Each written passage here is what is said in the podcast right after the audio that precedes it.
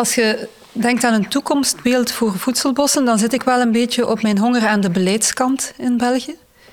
Um, ik heb mijn persoonlijke visie op hoe de landbouw en de voedselvoorziening er zou moeten uitzien. Maar het beleid gaat voorlopig helemaal niet die richting uit. Ik denk dat zeker groenten en fruit moeten lokaal en biologisch gekweekt worden. Mensen moeten op fietsafstand um, hun eigen groenten en fruit kunnen kopen. Dat, spreekt eigenlijk voor zich, vind ik. Maar het beleid in België gaat voorlopig helemaal niet die kant uit. Ook zo met voedselbossen uh, denk ik dat we achterlopen bij Nederland in het algemeen. Zeker op beleidsniveau. Niet op bewustzijnsniveau, denk ik, van de bevolking. Denk ik niet, maar wel op beleidsniveau. Dit is Voedsel uit het Bos met de Voedselboscast.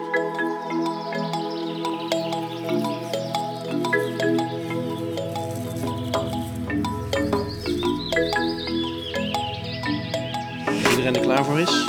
Ja, goed. Ja. Dit is aflevering 12 van de Voedselboskast. Jouw tweewekelijkse update over alles wat te maken heeft met professionele voedselbossen en de pioniers die hiermee bezig zijn. Wij zijn Frank Gorter en Marike Karsen van Voedsel uit het Bos. En wij doen dit omdat wij de voedselbosbeweging toegankelijker willen maken voor een groter publiek. Voor ons staan de voedselbospioniers symbool voor de grote voedseltransitie van onderop. We nemen de luisteraar mee in het hoofd van deze voedselbospioniers en we willen alles te weten komen over hun diepere motivaties, wat voedselbossen voor hen betekenen en waarom zij denken dat voedselbossen belangrijk zijn voor onze toekomst. Nou, dat staat er ook weer op. We moeten het met één microfoon doen vandaag. We doen het even samen met één microfoon. En we zitten weer, net als de vorige aflevering, in eh, België. Ja, en we doen dat met één microfoon omdat we twee gasten hebben. Ja, en ik één microfoon vergeten we mee te nemen.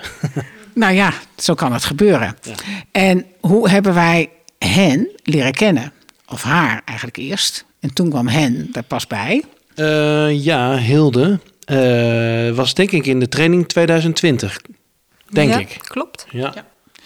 En echt, soms vroeg ik me af of ik er nog wel wat te leren had. Maar uh, zeker in de module bedrijfsplan. Het zeer, het leergerige typeje, ja. ja. Ja, wist al heel veel. En toen ben ik vorig jaar met een groepje cursisten van dat eerste coronajaar. Dat was een heel raar coronajaar, 2020. En we konden in, in die, dat voorjaar helemaal niet naar buiten. Dus we hebben alle voedselbossen excursies toen maar opgenomen. Maar dat groepje had nog steeds ontzettende wandelloest. En wilde graag voedselbossen kijken. Toen ben ik hier dus. En toen heb ik dus ook Piet ontmoet. De man van Hilde. Ja, en dus die zit hier ook vandaag bij. Ja. ja. Dus we hebben een podcast met Hilde Eindebos en Piet Moorman. En zij hebben ieder een eigen microfoon en wij doen samen. Wij doen het even samen, maar dat is prima. Dat, dat, kunnen we ook heel goed. Ja. Nou, Hilde, um, uh, kan jij iets over jezelf vertellen? En Piet, kunnen jullie iets over jezelf vertellen? Hoe jullie aan het idee, hoe zijn jullie op het idee gekomen om überhaupt een voedselbos te beginnen? Dat is natuurlijk een klein beetje een lang verhaal, uh, omdat wij uit een totaal andere sector komen, uit de biotechnologie om precies te zijn. Alle, allebei? Allebei komen we uit de biotechnologie. En zware carrière gehad, veel gevlogen, ja, veel ecologische schade toegebracht. Maar we hebben altijd interesse gehad voor ecologische vraagstukken en problemen. Ook altijd interesse gehad, zeker Piet dan, voor tuinieren, planten. Dus die interesse was er wel. En um, op een gegeven moment eh, zijn we in contact gekomen met permacultuur eerst, met voedselbossen. En we dachten van, kijk, um, als we ergens het verschil willen maken op ecologisch gebied, is dit allicht een, ja, een richting die we kunnen inslaan waar je echt het verschil kunt maken. Omdat uiteindelijk, als je kijkt naar alle ecologische problemen, CO2-uitstoot in de wereld, dan is het best wel zo dat uh, landbouw met kop en schouders de grootste schuldige is. Niet alleen landbouw, dat is oneerlijk. De hele voedselketen is eigenlijk met kop, en schouders de grootste schuldige op gebied van um, klimaatproblematiek. En dus dachten we, ja, als we daar ergens een voorbeeldrol kunnen in spelen, proberen mensen te inspireren, um, ook experimenteel wat data genereren, zodanig dat landbouwers wat vertrouwen krijgen in de zaak, dan denk ik kunnen wij het verschil maken. En dat is eigenlijk tenminste voor mij de basismotivatie. Ik weet niet of Piet daar nog iets wil aan toevoegen. Goh, ik denk uh, de typische Belgische context, een beetje vergelijkbaar met de Nederlandse, waarbij dat we heel veel concurrentie krijgen voor, uh, voor land, voor grond. Uh, industrie, uh, wegenbouw, woningbouw, landbouw, huisvesting. Iedereen wil die grond gebruiken. En het uitgangspunt van een combinatie van verschillende functies op hetzelfde, op hetzelfde perceel is natuurlijk heel aantrekkelijk. Ook ecologisch. Hè. Als je zowel recreatie als landbouw als wonen kunt combineren op hetzelfde stuk terrein, heb je eigenlijk drie bestemmingen gecombineerd op hetzelfde oppervlak. En dat was eigenlijk voor ons een, eh, interessante piste.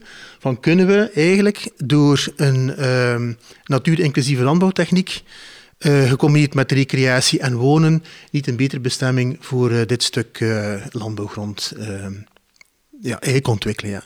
Ik, ik, ik, pak nog even terug op biotechnologie en veel schade aangericht. Vertel, noem eens een voorbeeld. Van wat, wat, houdt, wat, wat houdt dat vak in, biotechnologie? Biotechnologie, wij waren actief eigenlijk in de sector van diagnostische producten. Dus ontwikkeling, verkoop, marketing. Um, dat allemaal. De schade die we hebben aangericht was niet zozeer...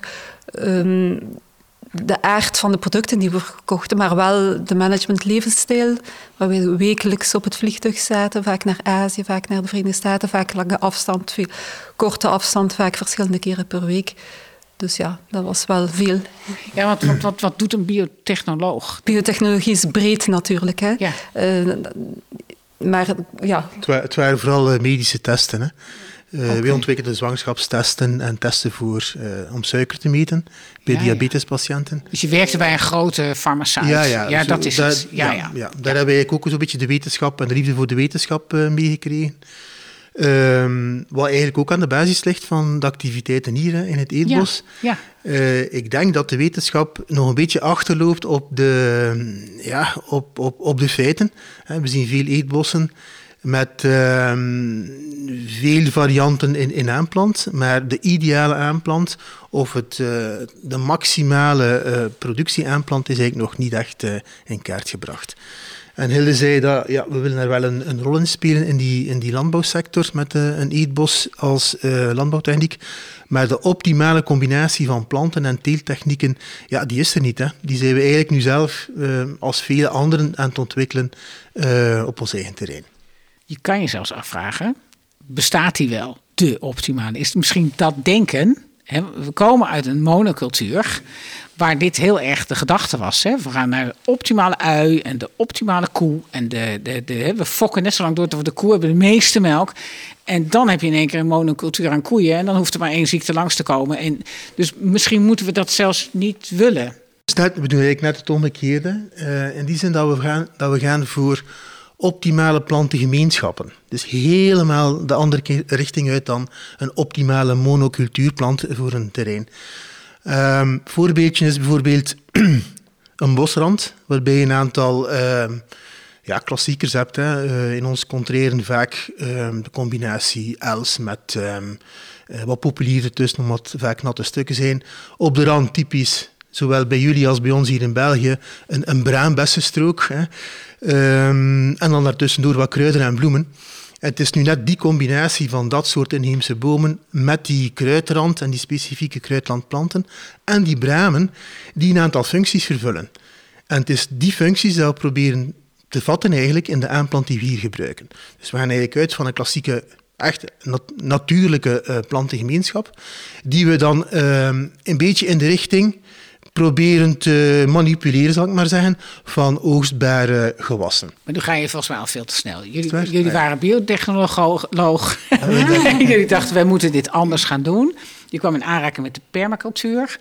Maar nu heb je 4,5 hectare. Ja, dat klopt, ja. ja. En uh, ben je daar al heel erg op bezig. Maar hoe kwam je tot de gedachte van, nou, wij moeten uh, grond gaan kopen en wij willen deze, zo'n voorbeeldboerderij maken? Dat is eigenlijk um, langzaamaan gereept. Het is niet zo dat we op een dag dachten, bing, dit is wat we gaan doen. Nee, daar, dat dacht ik al. ja, dus we zijn eigenlijk eerst begonnen met een aantal, om, zeker omdat Piet had de eerste cursus gevolgd, dat was dan permacultuur. Hebben we hier een stukje van de boerderij met permacultuurgildes aangelegd. Um, en dan beginnen doordenken, ook de cursus gevolgd uh, bij jullie, ja. uh, bij Wouter van Ecken, Nederland. En dat heeft zeker ook geholpen om denken te kristalliseren. Um, en dus eigenlijk, ik zou zeggen, over een jaar of twee langzaamaan gereept. We hebben wel land gekocht. Of dat had je al in Dat de hadden We familie. hadden dat Ja. kort, eh, kort tevoren gekocht, ja. Ja, dus ook echt met dit doel. Zo van, wij, wij stoppen met onze carrière. Of we, we zijn klaar. Want jullie zijn nog helemaal niet zo oud. Het is niet dat jullie al eh, met pensioen zijn of zo. Eh, wij lopen toch tegen de pensioenleeftijd aan, stilletjes aan. Ja, Maar- ja. Wel een stukje eerder al besloten om er een andere draai Ja, aan te geven. ja, Want dat jullie wel, hebben ja. geen baan meer hiernaast. Of, We werken nog een klein beetje, want we moeten toch ergens wel leven. ja, ja. Maar goed, eh, je hebt dat land gekocht. Je, je had een permacultuurcursus gedaan. Je hebt volgens mij ook waanzinnig veel boeken gelezen. Jullie- Inderdaad, Jullie ja. pakken zoiets gewoon volgens mij heel grondig aan. En, en, eh, en eh, gelijk ook met het doel om inderdaad een alternatief voor de landbouw, een alternatief en, en het ook eens een keer, want jullie hebben natuurlijk veel voedselbossen gezien, wat meer meetbaarder, wat wetenschappelijker aan te pakken. Ja, Ja. dus dat hebben we inderdaad gedaan. We hebben cursussen gevolgd, heel veel boeken gelezen. Ook zoveel mogelijk voedselbossen gaan bezoeken. Dat is trouwens iets dat ik iedereen aanraad om dat te doen. Dat is eigenlijk de beste leerschool, vind ik zelf. Eh, die verschillende voedselbossen ziet je ook verschillende stijlen, verschillende filosofieën, verschillende manieren van het aan te pakken. En het is eigenlijk van groot belang om in uw uitbating een aanpak te kiezen die past bij uw persoonlijkheid, bij uw doelstellingen enzovoort. En dan uiteindelijk moet je toch nog eh, uw eigen versie ervan maken. Maar ik vind dat wel belangrijk. En jullie aanpak is dus om zoveel mogelijk te gaan eh, monitoren. Om te gaan kijken wat gebeurt er nou precies. Onze aanpak is drievoudig op dit ogenblik. Dus wij hebben eigenlijk drie belangrijke doelstellingen. Dus ehm, de eerste doelstelling is eigenlijk educatie, om het met een Nederlands woord te zeggen. Dus waarbij we ehm, mensen in contact brengen met andere manieren om aan landbouw te doen. Of het nu is in uw eigen tuin, of het nu is als landbouwer, of het nu is als grootgrondbezitter. Ehm, er zijn dus verschillende manieren waarop je eh, een bijdrage kan leveren, zowel tot de natuur als dat, tot de landbouw. Dus dat is het eerste doel. Het tweede doel is ehm, de productiviteit eh, aantonen. Dus wij kweken fruit, wij zorgen ook voor opbrengst, wij snoeien bijvoorbeeld ook. Dus wij willen aantonen dat er ook best wel ehm, voldoende verkoopbaar product eh, van eh, onze hectaren kan komen. En het derde doel is dan eigenlijk experimentele data eh, genereren, die dan vooral ehm, wetenschappers en landbouwers kunnen helpen om naar de toekomst toe te projecteren. Wat is mogelijk, wat is haalbaar? Kan ik financieel, fin- financieel ehm, wel aan zo'n voedselbos beginnen? Wat is de ecologische bijdrage van zo'n voedselbos? Wat is de bijdrage aan de biodiversiteit? Interessant. Want eh, eh, dat is dan voor de komende generaties. Want je bent een bosbouwer geworden. Ja, En de bosbouwers, ja, dat gaat natuurlijk niet zo heel snel. dat is juist. Ja, ehm, maar wat voor data zijn jullie aan het eh, vergaren hier? Langs de ene kant hebben we eh, een samenwerking moeten opzetten met mensen die iets, iets meer weten dan wij van eh, landbouwexperimenten. En dat was met de UGent en de Hogeschool van Gent ook. Ehm, en de kern van het experiment is eigenlijk kijken van hoe presteert een voedselbos eh, aanplant ten opzichte van de klassieke boomgaard. En wat we dan doen is eigenlijk kijken van ehm, ondersteunende mulchvormende planten of humus eh, planten. We kijken eigenlijk naar de klassieke boomhaard eh, aanplant en vergelijken dat dan met een aanplant waarbij een aantal steunplanten, functionele planten, worden toegevoegd. Ongeveer een zestal struiken met kwalitatief bladval, die dus bij elke fruitsoort staan. Eh, onder het idee dat die humuslaag die gevormd wordt door die bladverliezende struiken het, bo het bodemleven voedt eh, bij, die, bij die fruitproducerende planten en op die manier eigenlijk de vruchtbaarheid van de grond verhoogt met hopelijk een, een grotere opbrengst. Dat is het concept eigenlijk. Een beetje ook de kern van voedselbossen eh, als, als idee. Ehm, het lijkt zeer logisch. Ik denk dat de meeste biologen dat gaan bijtreden. Dat hoe rijker uw uh, strooise laag, hoe rijker uw bodemleven, ook hoe groter uw opbrengst. Maar de data tot nu toe zijn nog altijd niet beschikbaar. En dat is een beetje wat we doen met uh, dat stukje experiment hier op terrein. Dat is in de komende tien jaar gaan we die uh, vergelijking uh, opvolgen, waarbij we telkens gaan meten van hoeveel oogst komt er van die klassieke boomhaardpercelen uh, en hoeveel, en, langs de ene kant en langs de andere kant, hoeveel komt er eigenlijk van oogst van die voedselbos aanplantpercelen. En misschien even goed voor de luisteraar te vertellen. Je ziet hier elke keer op dit voedselbos allemaal rijtjes staan. En in het ene rijtje zit dan experiment 1. En in het volgende rijtje experiment 2. En in het derde rijtje experiment 3. Hè? Ja. En dan geef ik even als kleine kritische noot. Jullie zijn natuurlijk bezig om toch over het hele terrein een bodemvoedsel schimmelweb te creëren. Hè? Door de grond met rust te laten en al die dingen. Dus ik denk dat zelfs die appelboom die gewoon in het gras staat, hè, als, als zijnde de boomgaardboom, al een fijnere omgeving heeft dan de meeste appelbomen in boomgaarden. Ja, zeker zo. Dus eigenlijk, hè, dat is het zwakke punt, denk ik, van hoe jullie het doen. Ehm, ehm, op zich, hè, op, op, op microniveau is het natuurlijk zeker waar. De, de ene heeft een fijnere mulch dan de ander. Maar de uitkomst zou ook natuurlijk heel goed zo kunnen zijn dat ook die uh, arme appelboom die dat, die mulch niet krijgt, profiteert van het schimmelweb wat er om hem heen gevormd is. Hoe, hoe, hoe zien jullie dat of hoe onderzoeken jullie dat? Eigenlijk nog sterker. Hè? Dus de, de, de boomgaardopstelling waarmee we vergelijken is ook zonder enige chemie. Hè? We gaan dus niet vergelijken met de klassieke boomgaard zoals je die nu vindt in, in, in een fruitteeltbedrijf. Wat is de uitgangssituatie eigenlijk? Wat voor een bodem hebben jullie? Uh, dat is die zandleem. Heel lang landbouwgrond geweest, dus we hebben al een pak stikstof en fosfor zitten. Uh, waarschijnlijk genoeg voor de komende vijf à zeven jaar. Vandaar dat we het dus ook wat langer gaan opvolgen, gaan tien jaar opvolgen. Uh, omdat in die C-percelen waarvan jij sprak, Marieke, we een aantal van die steunende planten vervangen hebben door stikstoffixerende planten. En dan gaat er ergens in de toekomst een, hopelijk een voor- of een nadeel zijn van die stikstoffixerende planten die we willen aantonen. De bodem is ook extreem koolstofarm, doordat hij zo lang landbouwgrond geweest is. En uiteraard volgen we dat dan ook op, hè, hoe dat, dat evolueert met het koolstofgehalte, de biodiversiteit. Dat wordt allemaal gemeten. Een keurige nulmeting gedaan. Ja, absoluut. Nul uiteraard. wormen en nul, nul, nul, nul, alles. nul dieren en nul. ja, juist. Ja. Ja, dat is juist eh, het hele ding om dit aan te tonen. Ja, ja. Dus dat er uh, meer leven. Dus uh, jij zegt eigenlijk meer uh, rijker strooisel, betere bodemvruchtbaarheid, betere productie. Maar dus is productie eigenlijk het enige wat jullie meten? Of wat meten jullie nog meer? Wel, dat koolstofgehalte volgen we ook op. Hè. Die nulmeting is gebeurd op verschillende diepten ook. Ehm, dicht bij, dus de, bij de humuslaag, bij de toplaag is er gemeten, maar ook op 20 centimeter en een halve meter diepte we komen ongeveer uit op die 20 centimeter op anderhalf procent. En we zouden dus graag zien dat die koolstofpercentages stijgen naarmate de jaren vooruit gaan. we verwachten dat dus die voedselbosopstelling met die steunende planten door die bladval waarschijnlijk sneller vooruit gaat gaan in de hoeveelheid koolstof die gefixeerd wordt in de bodem. En daarmee gaat natuurlijk ook uw vochtigheid, uh, uw waterretentie uh, ook de hoogte in. Ja, dat gaat natuurlijk op meerdere waarden gaat dat werken. Ja. In de bodem. Ja. Dus we hopen eigenlijk dat we in die tien jaar follow-up, want natuurlijk wel wat langer opvolgen ook, maar in die tien jaar hopen we echt dat we ook een paar echt droge jaren gaan krijgen, waarbij we door die stresssituatie uh, het systeem kunnen testen. Hè. Gaan we nu beter af zijn met die uh, voedselbos aanplant dan die klassieke boomhaard? Uh, ja, we weten het niet, maar ik denk dat we allemaal vermoeden hebben dat dat ja, veel, stressgevoelig, veel stressbestendiger gaat zijn dan uh, de klassieke boomhaardopstelling. Nou. Ik weet in ieder geval beter af dan de buurman. Ja. Wij bezoeken nu in deze gesprekken ook heel veel voedselbossen. En elke, al die plekken hebben een buurman. En daar zie je dan over het algemeen kaal gras, kaal gevreten gras, kale akker, aardappels die slecht opkomen. Het is dit jaar toch al best heel droog geweest. Ja. Dus je, die verschillen met die buren die, die, die zijn zo groot. Wij vinden het zelf soms wel eens heel verrassend dat mensen het niet zien. Uh, jullie vertelden net dat jullie krijgen heel veel bezoek, hè?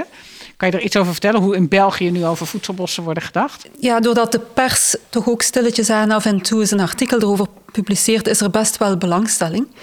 Maar je merkt wel bij sommige mensen die langskomen, kennen er best wel iets van. Maar je hebt ook een heleboel mensen die um, van de ene verrassing in de andere vallen als je ze rond, rondleidt. En uh, die dan plots beseffen van... Ja, dus ik maai mijn gras. Ik voer dat gras af naar het containerpark en daarna bemest ik mijn gras. Uh, om mooi groen gras te hebben. Dat soort dingen. Dan vallen ze echt van de ene verrassing in de andere. En dan oei, oei. Ook bijvoorbeeld uh, hoe je met onkruid omgaat. Het chop-and-drop principe. Als mensen horen dat dat ook zo kan, um, dat is dikwijls een enorme aha. Um, ik toon ze ook altijd zevenblad en ze mogen daar dan van proeven en dat je onkruid kunt opeten, vinden ze ook niet te geloven. Dat is eigenlijk heel lekker, zevenblad.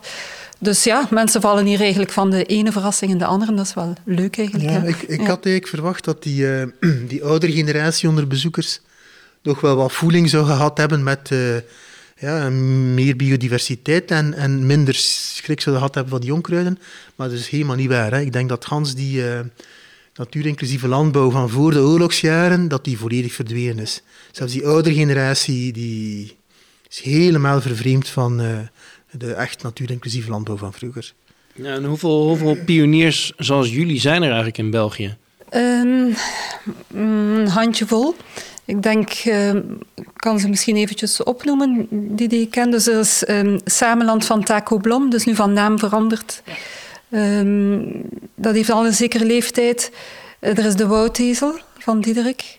Het voedselbos in, uh, Het voedselbos in, in Nokeren. Die, dat is ook tien jaar oud. Uh, Wallonië weet ik minder goed.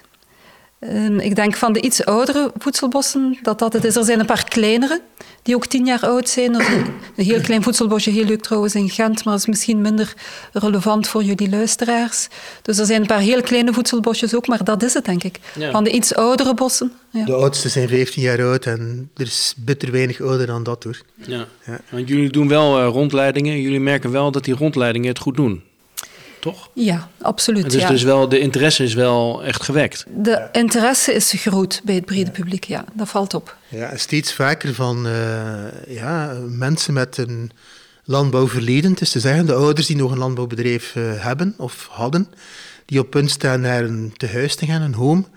Uh, het bedrijf komt eigenlijk ja, zonder activiteit te zitten. En waar men vroeger altijd verkocht aan de grootste of de hoogste bieder, zien we steeds meer mensen die eigenlijk zelf als, ja, als uh, 40er, 50er aan de slag willen gaan met het uh, bedrijf van hun ouders, maar op een totaal andere manier. Uh, veel bedrijven worden echt uh, ja, een beetje meer groenten, CSA-achtige bedrijven. Of in ons geval, de reden waarom ze naar ons komen, om, dat is eigenlijk om, in, om het bedrijf van de ouders ja, om te schakelen naar een soort voedselbosconcept wat velen hopen hun job nog te kunnen blijven doen. En in combinatie met een voedselbos hebben ze eigenlijk een, ik denk naar hun perceptie, een uh, arbeidsluwe activiteit om uh, het bedrijf nog te houden. Mm. Dat is eigenlijk heel hoopvol. Ja, dat, dat vinden wij wel. Ja. ja. Ja. En, en jullie buren om jullie heen, hoe, hoe kijken die tegen dit uh, voedselbos aan? Um, er, we hebben verschillende buren. Ja? Aan de ene kant um, hebben we echt geluk in die zin. Er zit iemand die een hobbyist bijenkweker is. Um, er is ook iemand die uh, uit de natuurhoek um, komt en die zelf ja, niet echt een voedselbosje, maar een klein natuurparkje gecreëerd heeft. Um, andere buren die houden paarden en spuiten bofiks en dat soort dingen. En stellen zich geen vragen bij wat wij doen. Ja. Daar heb je gewoon een goede heg uh, gebouwd, zeg maar. Dat moet je sowieso natuurlijk bij een goed voedselbos ja. het windleeuw maken. Voilà. Ja, ja. Um, en dan, dan wil ik ook nog even, jullie zijn dus met z'n tweeën, jullie werken er een beetje bij. Het was ook de doelstelling om iets met recreatie te doen op dit terrein. Dus een B&B zit er ook op dit terrein, of een B&B in aanbouw. Kun je daar ook even iets, want dat heb je wel opgenomen in je verdienmodel, neem ik aan.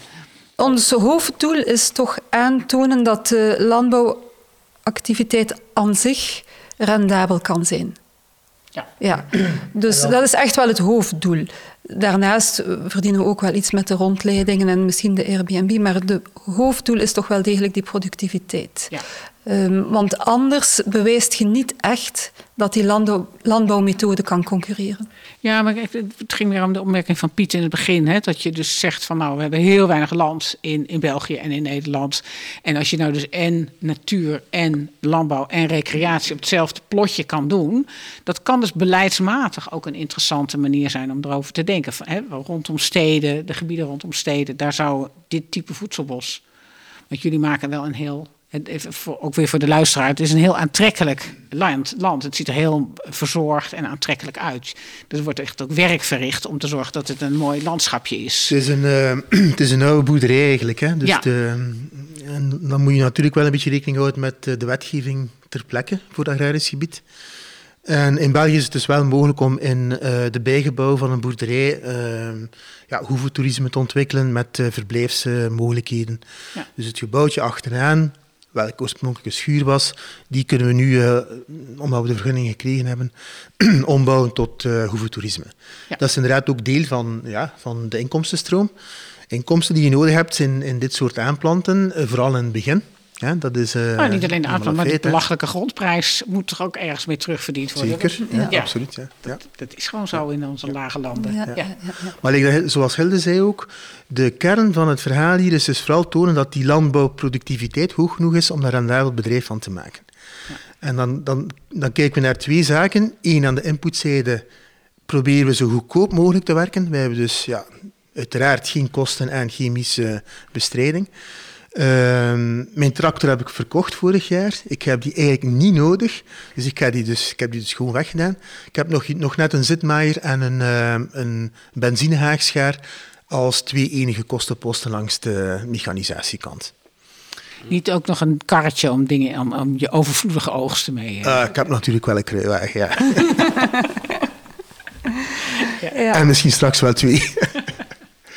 Maar ik heb nog wel een, een, een, ja, eigenlijk een nieuwe vraag. Wat, wat, wat heeft het jullie gegeven om met, met het voedselbos bezig te zijn? Wat heeft het jullie teruggegeven inmiddels? Um, ik vind eigenlijk heel veel. Het is een bijzonder positieve eh, manier van bezig zijn op alle gebieden. Het is goed voor jezelf, voor je mentaal evenwicht uh, en denk ook voor de gezondheid. Het geeft ook heel veel voldoening, zeker in een wereld waar er toch wel veel negativiteit is um, op, op alle gebieden om aan een positief concept te kunnen werken.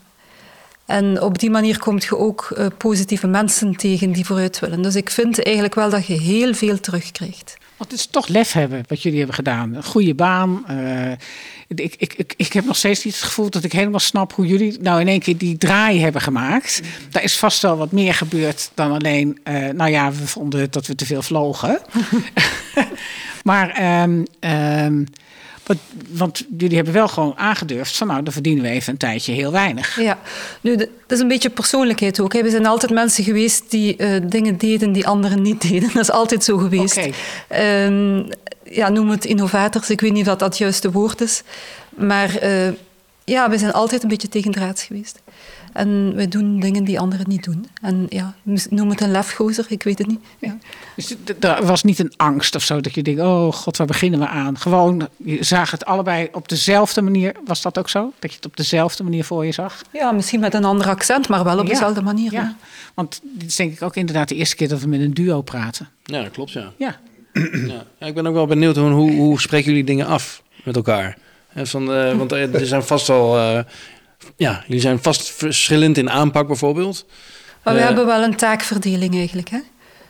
Um, dus er zijn bepaalde dingen die, die, ik doorgaans doe, andere dingen die Piet doorgaans doet. En dat ligt, ja, komt zo heel natuurlijk. En dat ligt er relatief Zeg, vast. gewoon, uh, zitten weinig uren in een dag, hè? ja. dus je moet de taakverdeling wel doen. En er zijn zodanig weinig uren in een dag dat we zelfs geen tijd hebben om ruzie te maken. Dus, uh. Maar de taakverdeling die, die gaat dus eigenlijk uh, met weinig woorden. Als ik het zo dat gaat eigenlijk met weinig woorden, ja. Dat, dat komt vanzelf. Tuurlijk, als mensen komen kijken en horen en, en willen zien wat je aan het doen bent, dan op elk moment is er ook geen weg terug. Hè. Dus dit moet lukken. Hè. Uh, en we moeten dus vooruit. Hè. En morgen moeten we er terug staan. Hè. We kunnen niet... Kun je niet blijven staan en ruzie maken, dat gaat niet. Nee, maar ook dat je toch op een gegeven moment twijfelt van gaat dit wel lukken of gaan we wel genoeg verdienen? Of, uh, dat ligt nee. niet in onze persoonlijkheid. Nee. Vooruit. Ja. ja. ja. En um, als jullie nou zelf vooruit denken, hè? Uh, over, over tien jaar, dit, hoe ziet het er hier uit? Heb je, heb je daar al een plaatje van? Hoe hoog die bomen zijn? Heb je dat al, zie, zie je dat in je geestesoog al voor je? Visueel misschien nog niet helemaal, maar uh, ik denk qua activiteiten kan ik me gerust voorstellen dat we hier twee dagen per week gaan klaarstaan voor de klanten. Hè, dat die over de vloer gaan komen dat we de rest van de week gaan, gaan oogsten en, en, en wat onderhoud doen in de, in de periode waarbij de oogst nog niet klaar is. Ja, ik zie het echt als een fulltime uh, activiteit. Met heel veel plezier uh, uh, uit te voeren en klanten te ontvangen. Ja. ja. En als je ook kijkt naar de toekomst zeg maar, van voedselbossen, wat voor een rol spelen voedselbossen dan in het, in het landschap? Waar, aan welk landschap werken jullie? Wel, als het aan ons lag. Ik, ik hoor al weinig stress, bijvoorbeeld. Ja, ik, denk dat, ik denk dat uh, het zal blijven hard werken zijn. Hè. Wat dat we eigenlijk doen met die natuurinclusieve um, landbouwtechniek is toch ja, de, het, het natuurlijk evenwicht een beetje duwen in de richting van oogstbare hoeveelheid en, en liefst zoveel mogelijk. Um, dus natuurlijk evenwicht gaat zich installeren in een bos. Maar daarom kan je nog niks oogsten. Dus we zitten echt aan de knoppen om de juiste dingen bij elkaar te zetten. Uh, om zoveel mogelijk oogst te kunnen halen van, van dat land. En dat zal niet veranderen. Als we dat laten gaan, dan gaan we een, een beukenbos krijgen. En dat willen we eigenlijk verhinderen. Dus het onderhoud van die bosrand, waar eigenlijk alles gebeurt qua voedselproductie, gaat een fulltime job uh, blijven. Ik denk niet dat we daar gaan onderuit van kunnen. Het is niet de luie boer, zoals Wouter van Eck zegt. Uh, ik denk het niet en dat zal ook nooit komen. Ook al beginnen we te oogsten, we gaan toch altijd dat laten we zeggen, dat vroege pionierstadium met veel variatie in die bosrand moeten blijven onderhouden. Want als we ons bomen niet gaan snoeien of nu en dan een keer een boom verwijderen, gaat het gewoon verbossen. Ja. Oké. Als je denkt aan een toekomstbeeld voor voedselbossen, dan zit ik wel een beetje op mijn honger aan de beleidskant in België. Um, ik heb mijn persoonlijke visie op hoe de landbouw en de voedselvoorziening er zou moeten uitzien. Maar het beleid gaat voorlopig helemaal niet die richting uit. Ik denk dat zeker groenten en fruit moeten lokaal en biologisch gekweekt worden. Mensen moeten op fietsafstand um, hun eigen groenten en fruit kunnen kopen. Dat, spreekt eigenlijk voor zich, vind ik. Maar het beleid in België gaat voorlopig helemaal niet die kant uit. Ook zo met voedselbossen uh, denk ik dat we achterlopen bij Nederland in het algemeen. Zeker op beleidsniveau. Niet op bewustzijnsniveau, denk ik, van de bevolking. Denk ik niet, maar wel op beleidsniveau. Hebben jullie al wat uh, beleidsmensen uh, over de vloer gehad? Nee. Die hier zijn komen kijken? nee, dat is heel Niemand. typisch, ja. Oké. Okay. Ja. ja, wel, wel een groep uit Nederland die met, met onderzoek bezig was. De, de, daar was ik ook per ongeluk bij uitgenodigd vanuit uh, Pieter Rombouts en volgens mij. Maar um, er zaten ook wel veel be beleidsmensen uit de Green Deal voedselbossen bij. Ja, dat ja. soort beleidsmensen kregen we wel over de vloer. Ja. Hè, die dus werken in, um, in afdeling die zich bezighoudt met natuur of met bosbouw. Ja. Dat, dat Ja. soort mensen uiteraard krijgen we wel. Ja. Maar laten we zeggen echt het, uh, het gemeente. ministerie, de- Ja. ja. die dingen. Ja, nee. maar wij, wij, wij niet. Hè. Want Het ministerie van Landbouw en Visserij heeft wel de vraag gesteld aan de spelers binnen de voedselboscommuniteit eigenlijk, ehm, of zij een strategie zouden kunnen formuleren voor eh, het departement Landbouw en Visserij. Dus ik denk dat de interesse er wel is, maar het is nog niks concreet geworden. Hè. Ik denk dat we nog echt in het proces zitten om... eh, Ja, want ook België moet iets met de Green Deal. Eh, Ja. Zeker, ja. ja, Dus, eh, vinden wij wel. ja. Ja, dus in die zin loopt België dan een jaartje of... Wat, wanneer begonnen wij met de Green Deal? Vijf jaar geleden? Ja. Zoiets? Dus er is, er is wel... De, de mensen hebben al wel eh, gehoord over voedselbossen. Alleen dat om Dat te zetten begint, natuurlijk ja. naar... Ja, eh, door reorganisatie naar beleid enzovoort. Dat is dus nog eigenlijk eh, niet Ja. aan de hand. Als het over beleid gaat, zijn we natuurlijk wel een ingewikkeld land. Zoals En misschien moet de weg wel via de politiek. Dat je ook zegt, ja, voor mij is de politiek of- is beleid. Hè? Ja, Ja. ja, maar het is toch een andere ingang. Ja. Eh, hè, beleid ga je naar een ambtenaar toe op een functie. En bij de politiek ga je naar de politieke partij toe van een gemeente of een provincie. Of een, en daar zit vaak wat meer activisme.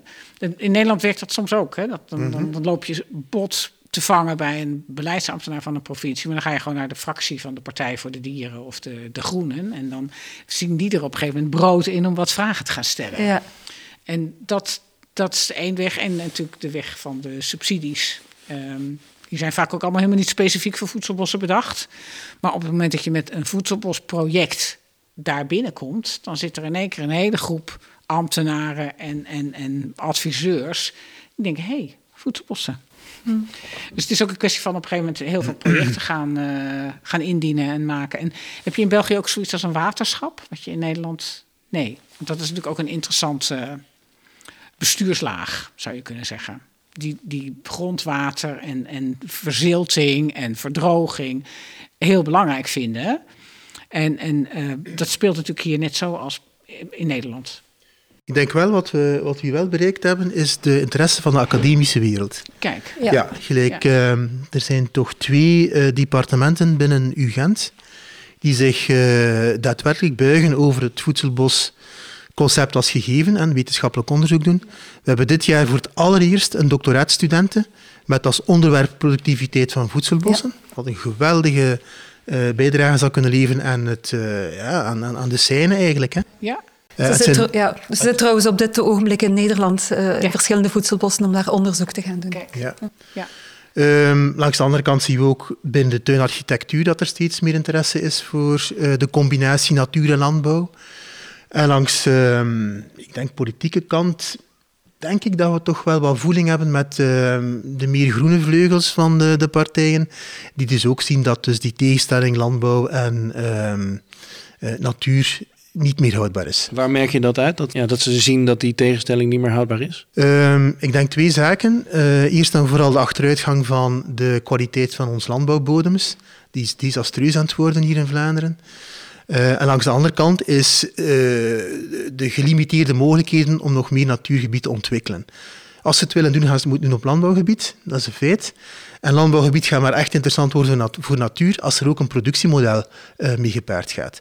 Dus ik denk de fusie van landbouw en, uh, en natuur uh, zal moeten gebeuren op landbouwgrond. En aan de groene kant van de meeste partijen zien ze inderdaad opportuniteit om dat te doen. Want, ik denk vooral vanuit Vlaanderen, het, mm. het, het Nederlands sprekende gedeelte.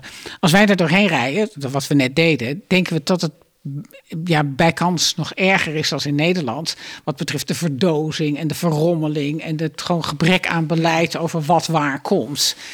Is dat een indruk die terecht is? Is absoluut terecht. Uh, ik denk op gebied van ruimtelijke ordening dat Nederland veel vroeger heeft ingegrepen dan België. Er zijn ook historische redenen waarom er meer versnippering is. Die had te maken met de wetgeving en zo. Uh, maar ze zijn ook veel later eraan begonnen. Dus nu is die wetgeving er wel. Uh, maar ja, het resultaat is wat het is. Ja. Dat is zeker juist wat Dus je hebt ook al bijna geen bos meer. Inderdaad. Ja. ja. Dus moet het inderdaad altijd op landbouwgrond uh, gebeuren. gebeuren ah, ja, Het is de moeite niet om ons bosareaal daarvoor aan te spreken. Nee. Het zou ook niet verstandig zijn, want we hebben er al zo weinig. Ja, ja. Uh, en uiteindelijk is een voedselbos toch ook een landbouwtechniek, hè? Dat is het ook. Ja, en vandaar vinden we het op zich wel logisch dat het gebeurt op landbouwgrond. Maar natuurlijk heb je dan de traditionele landbouw, die dat dan helemaal niet ziet zitten, want die zien dat dan als een verlies, wat niet juist is. Ja. Maar ze zien het wel zo. Er zit er natuurlijk een persoonlijke factor tussen. Hè. De ene boer uh, gaat anders kijken naar een, een, voedselbos als landbouwtechniek dan een industrieconcern, die ook vaak veel gronden heeft. Een loonwerker wil zijn machines gebruiken om te kunnen ploegen, zaaien en, en, en spuiten. Terwijl die individuele boer die wil misschien wel een keer een andere manier van uh, landbouw uh, proberen. Wat we in de realiteit ook zien. Hè. We zien vaak grote boeren uh, wiens zonen komen aankloppen bij, bij vaderboer. Van, ja, zou nu niet op een andere lijst proberen? Uh, en waarbij de oudere generatie vaak toelaten om die kinderen een, uh, een klein project op te zetten van stootbegrazing of agroforestry. Die na verloop van tijd, als ze het succes hebben aangetoond, inderdaad mogen een groter gebied van het familiebedrijf daarvoor inschakelen.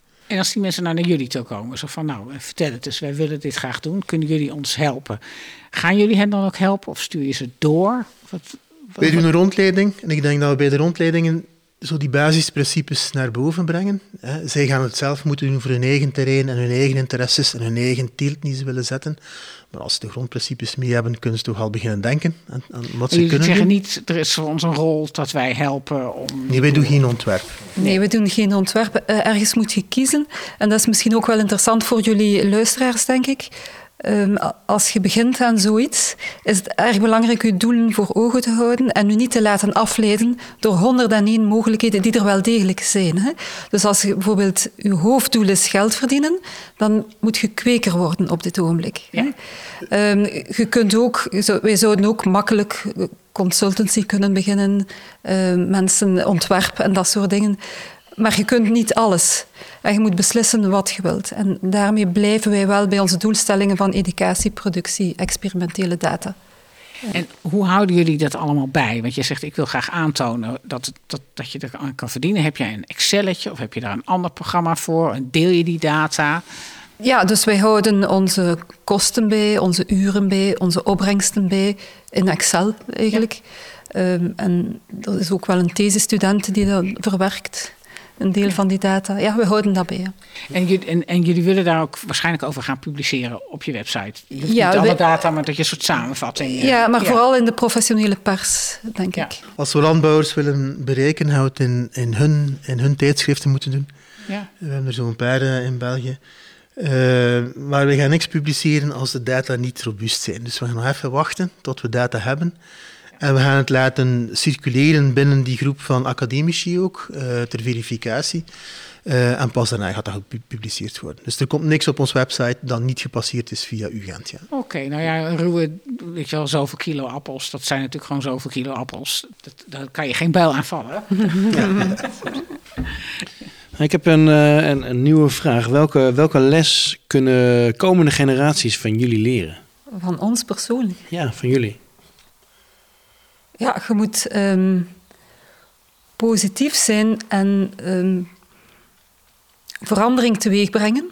En kies een onderwerp waar je zelf in gelooft. Dat is iets waar ik nogal achter sta.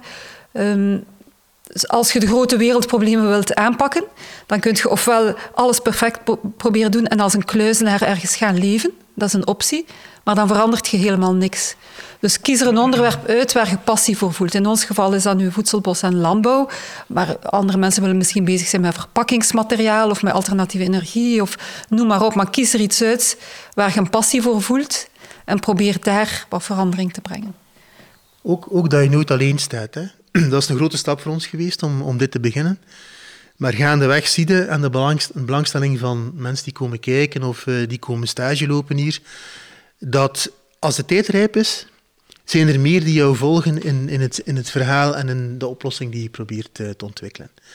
Ehm, ik zou zeggen, als het goed in elkaar zit, als je een goed idee hebt, eh, dat goed onderbouwd is, doe het gewoon. Er is genoeg. Ehm, er zijn genoeg mensen die, die het, het probleem ook zien en die willen meewerken aan de oplossing. Het is eigenlijk ook een oproep aan die komende generaties om een innerlijk pad te, volgen. Van eh, ja, eh, doe datgene waar je ja, je passie voelt. Ja. Waar je. Ja, maar dat is wel niet het enigste. Hè. Dus passie en zin is inderdaad belangrijk om het vol te houden en te starten. Maar een goede onderbouw, eh, weten goede wat je doet, ja, Ja. je laten begeleiden waar nodig. Dat, zijn, dat is eigenlijk waar, waar jullie elkaar eh, vinden, misschien ook. Hè? En Die, die twee dingen, die passie en eh, de onderbouwing van dat pad wat je dan gaat lopen. Het zijn toch beter nog altijd wetenschappers, hè? Ja, ja, Ja. ja. Ja. Ja. Nou, we zitten alweer eh bijna aan het eind van onze. Nou ja. Heb jij nog een eh, leuke vraag voor onze luisteraars? Ja, misschien toch even nog één ding om even te verduidelijken wat jullie precies allemaal aan het doen zijn. Jullie zijn dus inderdaad die ABC-rijtjes met onderzoeksdoen. Jullie hebben een stuk hier staan, dat is echt een wat wilder, voedselbosachtig. Maar je bent ook met eh, wijnbouw, met druiven bezig. En ik vind het leuk als je daar nog even wat over vertelt, wat jouw experiment daar is. Ja, wel, we hebben verschillende perceeltjes, hè, dat je zegt. Ja. eh, de vochtige weide is zo'n thema dat we hebben vereetbariseerd, om het juiste woord te gebruiken. gebruiken. Het droogste stuk, ehm, daar hebben we een, inderdaad een wijngaard eh, op aangeplant omdat een wijngaard nu van, van nature heel diep kan gaan eh, om zijn, eh, zijn water eh, ehm, Te vinden, ja. omdat een, een wijnstok nu eenmaal heel diep kan gaan om water op te pompen. Maar het is eigenlijk het idee van een echte bosrand. Hè. Je hebt een, een, een reeks planten die in een bosrand staan, waaronder de, de druivelaar, hè, die graag met zijn wortels in de humus staat, de bomen inkruipt om veel zonlicht te kunnen vangen. En daartussen een aantal geurverwarrende planten die ook typisch voor een bosrand zijn, zoals ja, eh, rozemarijn, currykruid eh, en hyssop. En daarbovenop, ik heb het al vernoemd, die, die, die fameuze bramen, die een, eigenlijk een sleutel, een soort telefooncentrale functie hebben om mycorrhizae te laten ehm, eh, ontwikkelen eh, in die ondergrond. Het zijn nu net die die we nodig hebben ook ons wijnstokken ehm, ja, van de nodige nutriënten te voorzien. Dus het gehele is die plantengemeenschap, typisch voor een bosrand, die we richting productie geduwd hebben. Richting door echte grote- wijn, wijnproductie. Dat, Ja. is, dat is jouw droom daar, hè? Om, Absoluut, te- om, ja. om, een, Ja. om een systeempje neer te zetten wat ook echt in de wijnbouw gebruikt kan worden. Ja. Ja, super interessant. Dat Ja, is ook weer helemaal nieuw. Ja, En lekker ook nog. ja. Ik heb toch nog één aller, allerlaatste vraag. Ehm, je bent in België ben je natuurlijk ook een soort, soort ehm, brug tussen de Nederlandse wereld en de francofone wereld. Zelfs al zitten jullie in het Nederlandstalige gebied. Dus heb je daar al voor je gevoel, hè, wat er gebeurt in Frankrijk op het gebied van voedselbossen, heb je daar ook een beeld van? Enigszins wel. Um, onder andere omdat we wel Frans kennen en ja. uh, een beetje volgen wat er daar gebeurt. Um, in Frankrijk zien we toch dat de nadruk meer ligt op permacultuur dan eigenlijk voedselbossen. Um, meer zo zelfbedruipendheid, soms in afgelegen gebieden, uh, circulair bezig zijn. Uh, dat zien we eerder dat in Frankrijk dan eigenlijk puur voedselbosproductie, landbouwtechniek. Dus ze hebben ook minder die problemen met grond die wij hier hebben natuurlijk. Hè. Dat is zo. Ja. Maar het is wel goed als, als af en toe die werelden elkaar... Maar er gebeurt veel in Frankrijk, ja. absoluut. Ja, absoluut. Precies. Nou, dan uh, waren al mijn, mijn nieuwsgierigheid is bevredigd, uh, Frank. Ja, ze, ja, ja. Nou, ik heb ook heel veel voorbij uh, horen komen. Ik, ik, wil jullie heel erg danken voor dit gesprek. Dat ja. is heel graag gedaan. Ja, ja dankjewel. Altijd welkom. Ja, ja en toch ook weer een heleboel nieuwe informatie. Dus elke podcast is weer een, een pareltje. Ja. ja. Onze nieuwsgierigheid is bevredigd. Ja, nee, maar daarom doen we dit. We willen alles weten. Dank jullie wel. Dag. Dag. De Voedselboscast is een concept van Marieke Karsen en Frank Gorter. Techniek, editing en de muziek is gedaan door Frank Gorter. Verder danken wij de rest van de organisatie van Voedsel uit het Bos, Anje Poortman en Joep van der Wal. Mochten er luisteraars zijn die deze podcast willen ondersteunen, dan wordt het erg op prijs gesteld, want we zoeken nog sponsors. Stuur een mailtje naar info@voedseluithetbos.nl.